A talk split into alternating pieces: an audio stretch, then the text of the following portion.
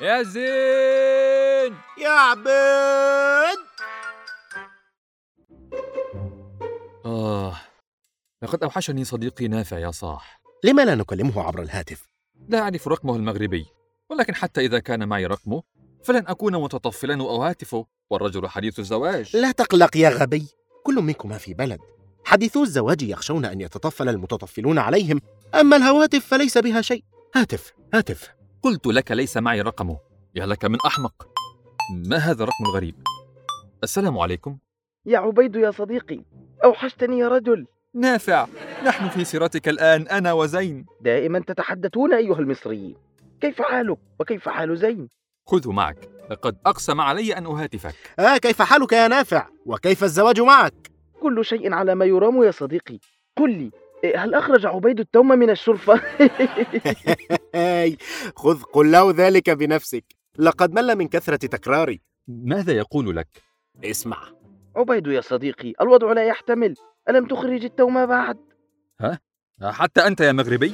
ولكن حسنا سأقلب الآية عليك. أين وضعت زوجتك الثوم؟ لقد صرت متزوجا الآن. وبات ثومك ثومانا. لقد أكلت الكثير من الثوم في كفتة الطاجين وفي الزعلوك وغيرها. لا أتحدث عن طهي الثوم. أين تخزن زوجتك الثوم؟ أم إنكم في المغرب لا تتفاءلون وتتشاءمون به كما عندنا؟ ولكن قبل كل هذا ما هو الزعلوك يا نافع الذي تأكله ذاك؟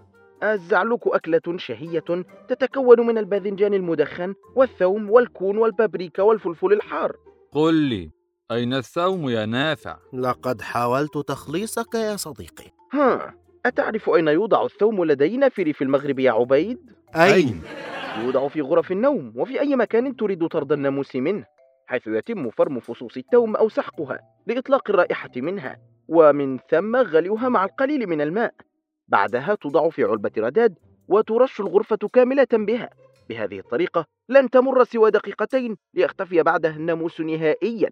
رائحة التوم النفاذة تعمل على طرد الحشرات والناموس بشكل كامل. آه قد قلب الآية عليك أخرج التوم من الشرفة يا عبيد وتعلل بأنك تريد أن تطرد الناموس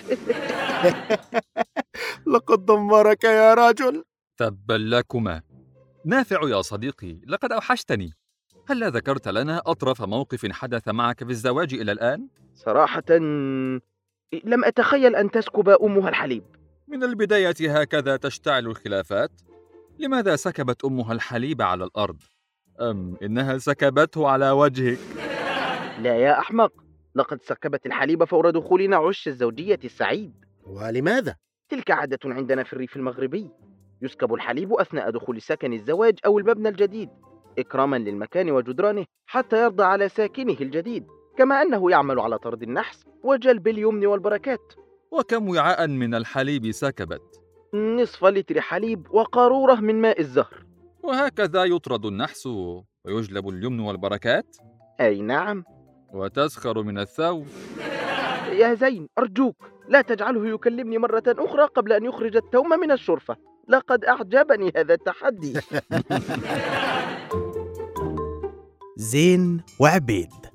أداء صوتي أحمد زين. عبد الرحمن عبيد. أحمد مجدي. هندسة صوتية أسماء راشد. سيناريو وحوار وإخراج أحمد مجدي.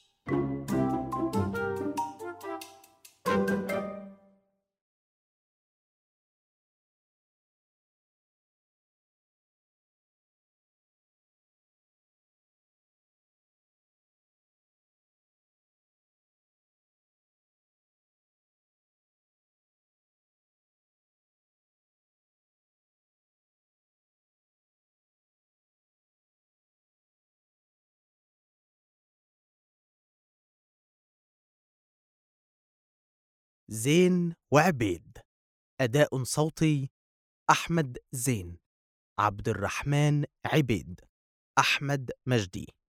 هندسة صوتية أسماء راشد. سيناريو وحوار وإخراج أحمد مجدي.